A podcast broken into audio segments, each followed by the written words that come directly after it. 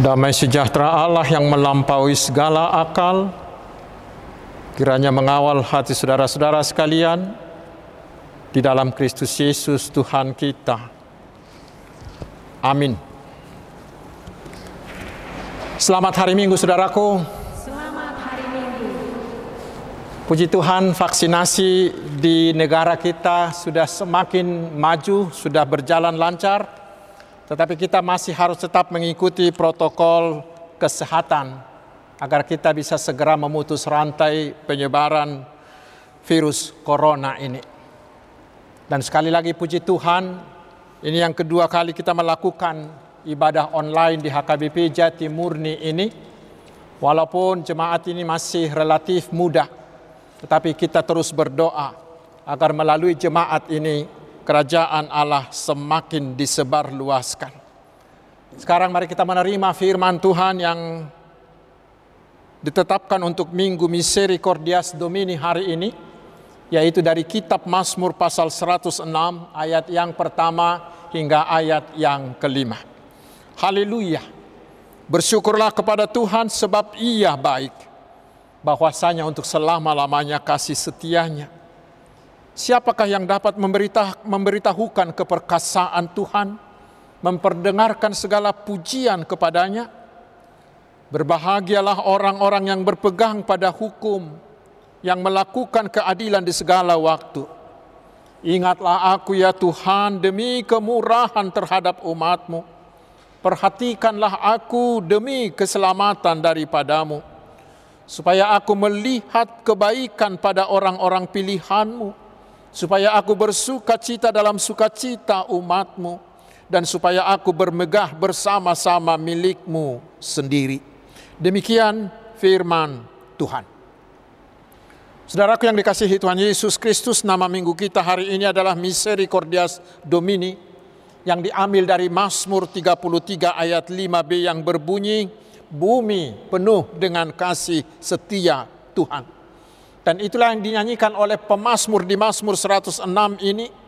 Karena di ayat pertama dia mengatakan sebab ia baik bahwasanya untuk selama-lamanya kasih setianya. Karena itu kita seluruhnya diajaknya mari bersyukurlah kepada Tuhan. Pertanyaannya apa rupanya kasih kebaikan dan kasih setia Tuhan bagi si pemazmur? Untuk memperjelasnya saudaraku, mari kita harus membacanya mulai dari pasal 105 ayat pertama hingga pasal 106 ayat 48. Di sana kita akan melihat memang kebaikan Tuhan bagi bangsa Israel itu tidaklah terhitung. Karena dahulu bangsa Israel itu bukan apa-apa. Bahkan mereka hanyalah bangsa budak di tanah Mesir tetapi oleh kuat kuasa Tuhan mereka dibebaskan dan diantar ke tanah Kanaan yang sangat subur dan makmur itu. Lalu Tuhan membentuk mereka menjadi bangsa yang besar, bangsa yang disegani di seluruh dunia. Semuanya itu dilakukan oleh Allah karena Dia baik dan berkasih setia terhadap Israel dan tidak ada Allah lain yang bisa melakukan hal seperti itu. Dan yang berikutnya saudaraku ternyata sikap Israel terhadap Allah seperti air susu dibalas dengan air tuba. Karena setelah mereka makmur dan besar di tanah Kanaan, kemudian mereka meninggalkan Allah dan pergi menyembah dewa-dewa, ilah-ilah yang lain mereka tidak lagi menghiraukan hukum Taurat. Dan walaupun Tuhan terus memanggil mereka melalui para nabinya, mereka tidak mau mendengarkan. Karena itulah perilaku mereka juga sudah lebih jahat dari bangsa kafir yang tidak mengenal Allah. Saudaraku, bila orang lain melakukan hal seperti itu kepada kita, apa yang akan kita lakukan kepada dia? Kita pasti sudah tahu jawabannya bukan? Yaitu harus menghukum mereka. Tetapi saudaraku di situlah kehebatan kasih setia Allah Yahweh kita. Walaupun Israel itu terus-menerus memberontak, tetapi Allah terus mengampuni dan memberkati mereka. Itulah kasih setia, itulah chesed, yaitu kasih yang tidak punya limit.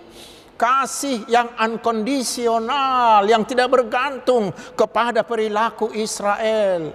Kasih yang tidak lekang oleh apa pun. Itulah kasih setia yang dikatakan di Yeremia 31 ayat 3. Aku mengasihi engkau dengan kasih yang kekal. Sebab itu aku melanjutkan kasih setiaku kepadamu. Dan di Yesaya 54 ayat 10 Allah Yahweh mengatakan lagi. Sebab biarpun gunung-gunung beranjak dan bukit-bukit bergoyang.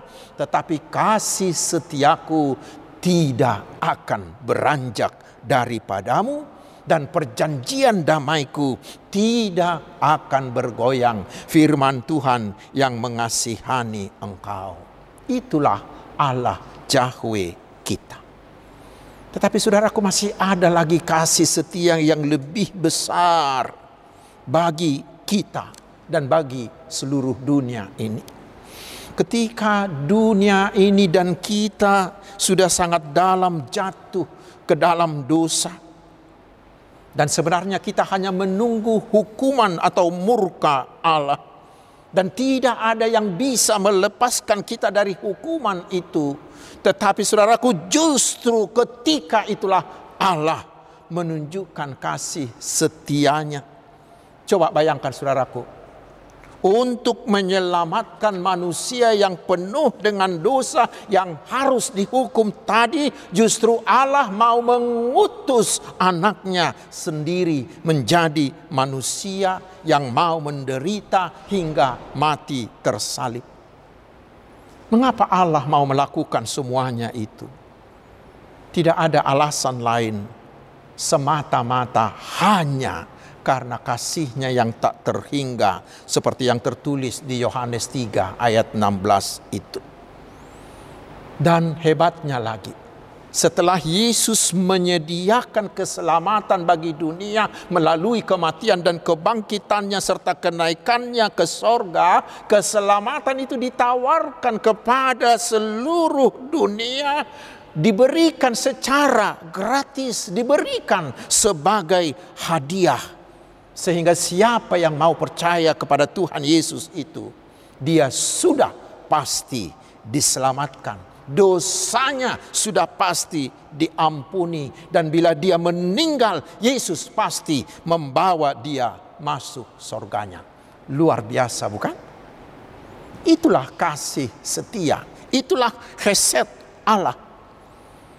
Karena itu seperti sudah pernah saya khotbahkan, penulis Philip Sianse di bukunya Keajaiban Kasih Karunia itu dia mengatakan hanya Allah orang Kristen yang memberikan keselamatan secara gratis. Dan beliau melanjutkannya lagi dengan mengatakan hanya kekristenan yang berani membuat kasih Allah itu tanpa syarat. Itulah sumbangan terbesar kekristenan bagi dunia.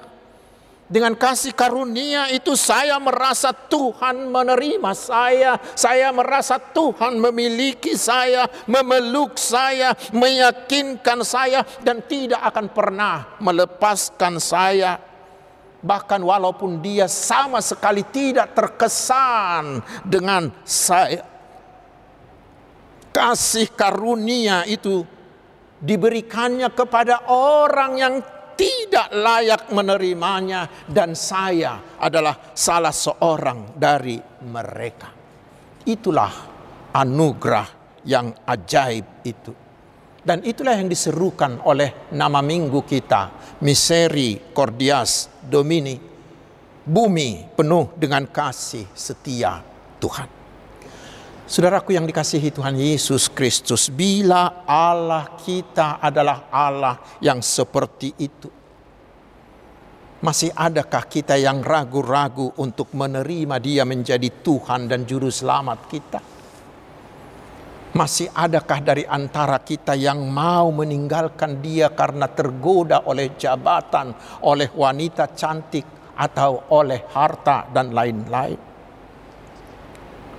Saudaraku, selanjutnya setelah Israel dan kita mengenal dan merasakan kasih setia Allah tersebut, maka Nats ini mengatakan ada beberapa hal yang harus kita lakukan. Yang pertama, mari hitunglah semua yang telah Tuhan lakukan dalam hidupmu.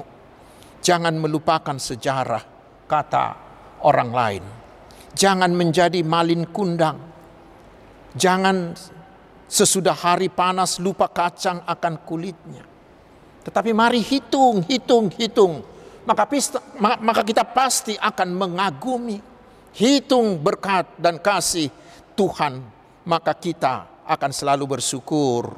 Itulah yang kedua yang harus kita lakukan yaitu seperti dikatakan di ayat 1a, bersyukurlah kepada Tuhan. Yang diserukan Paulus juga di 1 Tesalonika 5 ayat 18, mengucap syukurlah dalam segala hal. Karena itu saudaraku, hari ini juga kita harus seperti itu. Mari hitung segala berkat Tuhan yang sudah tercurah bagi kita masing-masing sejak kita dilahirkan ke atas dunia ini bahkan mulai dari kandungan ibu kita hingga hari ini. Terutama saudara-saudaraku dengan segala yang kita alami pada masa pandemi COVID-19 ini. Mungkin banyak dari antara kita yang sudah kehabisan air mata, menangisi kepergian orang yang kita cintai, atau mungkin kita pernah terinfeksi atau mungkin kita kehilangan pekerjaan dan mata pencaharian, mungkin usaha kita, bisnis kita menjadi hancur, mungkin anak-anak kita susah diatur karena bosan belajar dari rumah dan lain-lain dan lain-lain.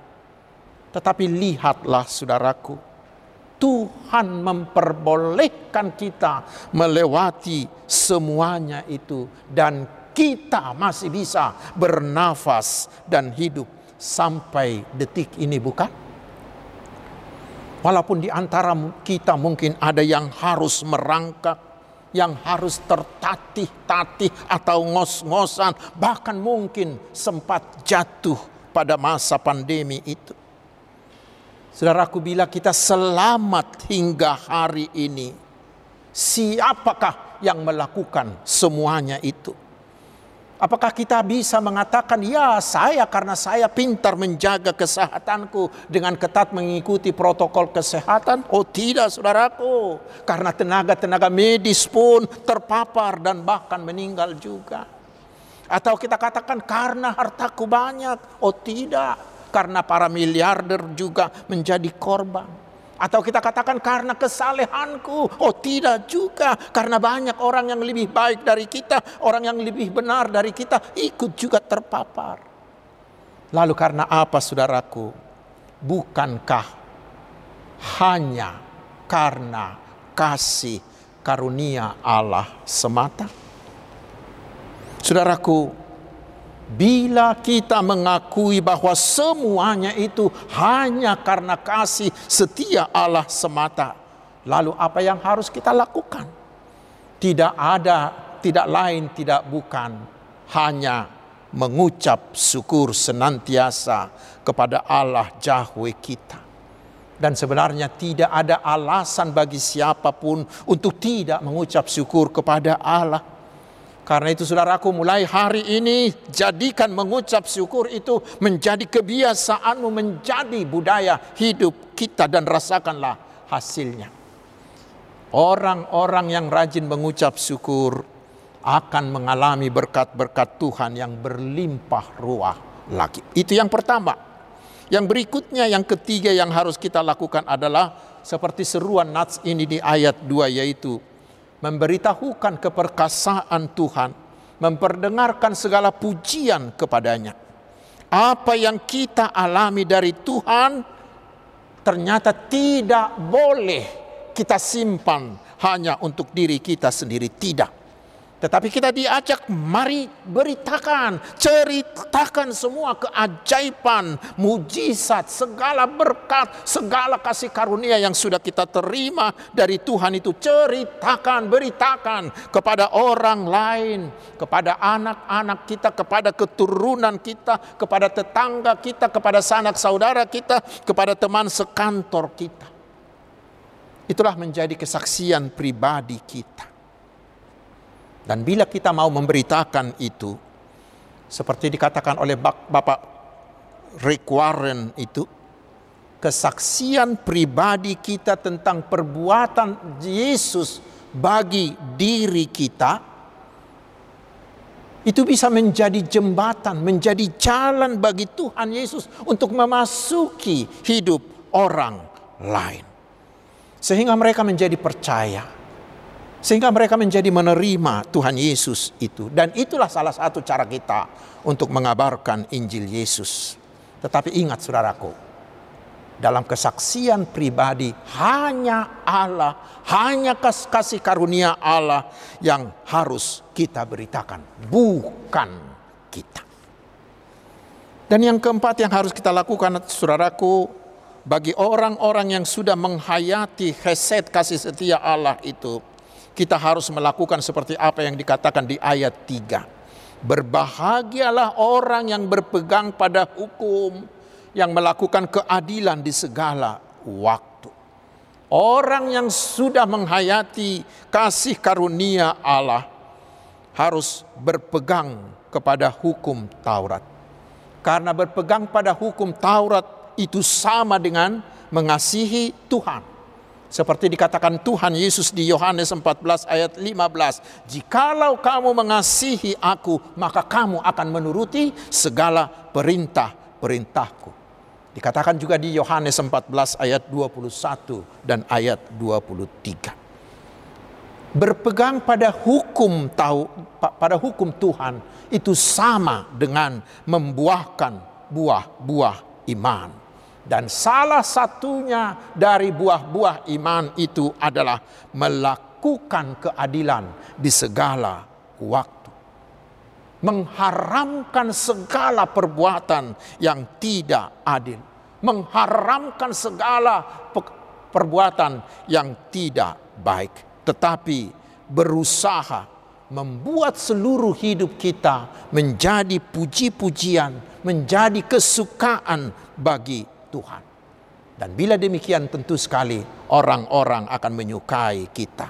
Itu akan mendatangkan berkat bagi kita.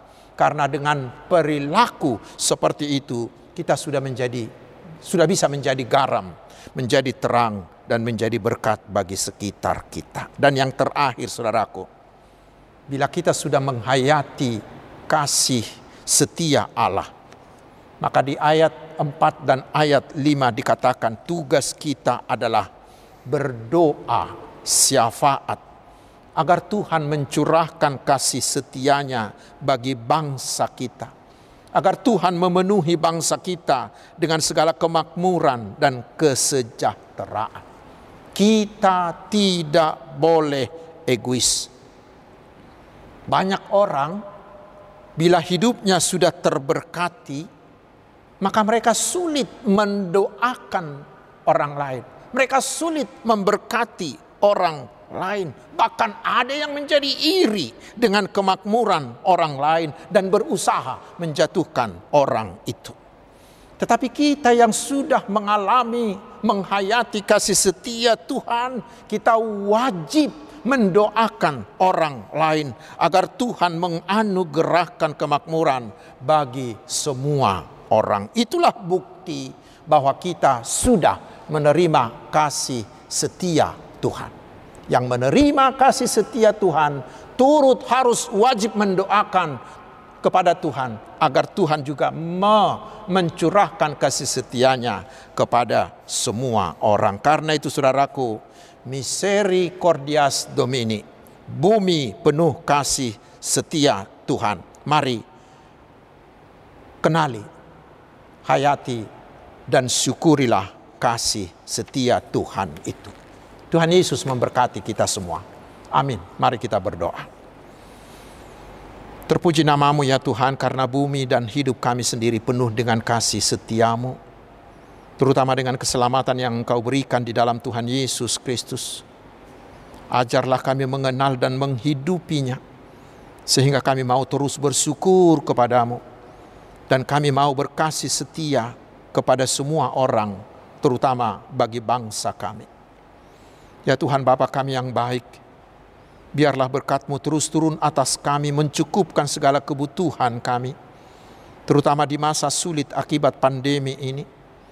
Karena engkaulah gembala agung kami yang pasti membawa kami ke padang, ke padang rumput hijau dan air yang tenang. Ya Tuhan lawat dan sembuhkanlah teman-teman kami yang sakit, terutama yang sedang terinfeksi COVID-19, kuatkan iman mereka dan berkatilah vaksin yang sudah dan akan kami terima. Biarlah itu menjadi jalan bagi Tuhan untuk menjauhkan kami dari virus corona ini. Ya Tuhan yang Maha Kuasa, berkatilah bangsa kami agar semuanya menjadi hidup sejahtera dan bahagia serta penuh kedamaian, saling menghormati dan saling membantu Berilah hikmatmu bagi Bapak Presiden dan seluruh jajaran pemerintahan kami dari pusat hingga RT RW agar mereka memimpin kami dalam takut akan Tuhan.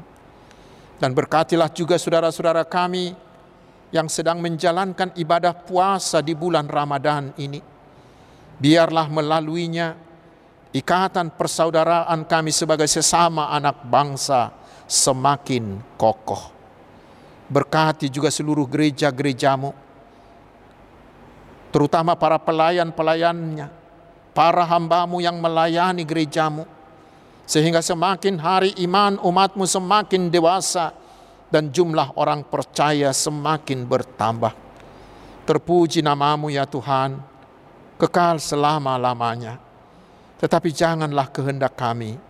Kehendakmulah yang jadi. Di dalam nama Tuhan Yesus kami berdoa. Amin.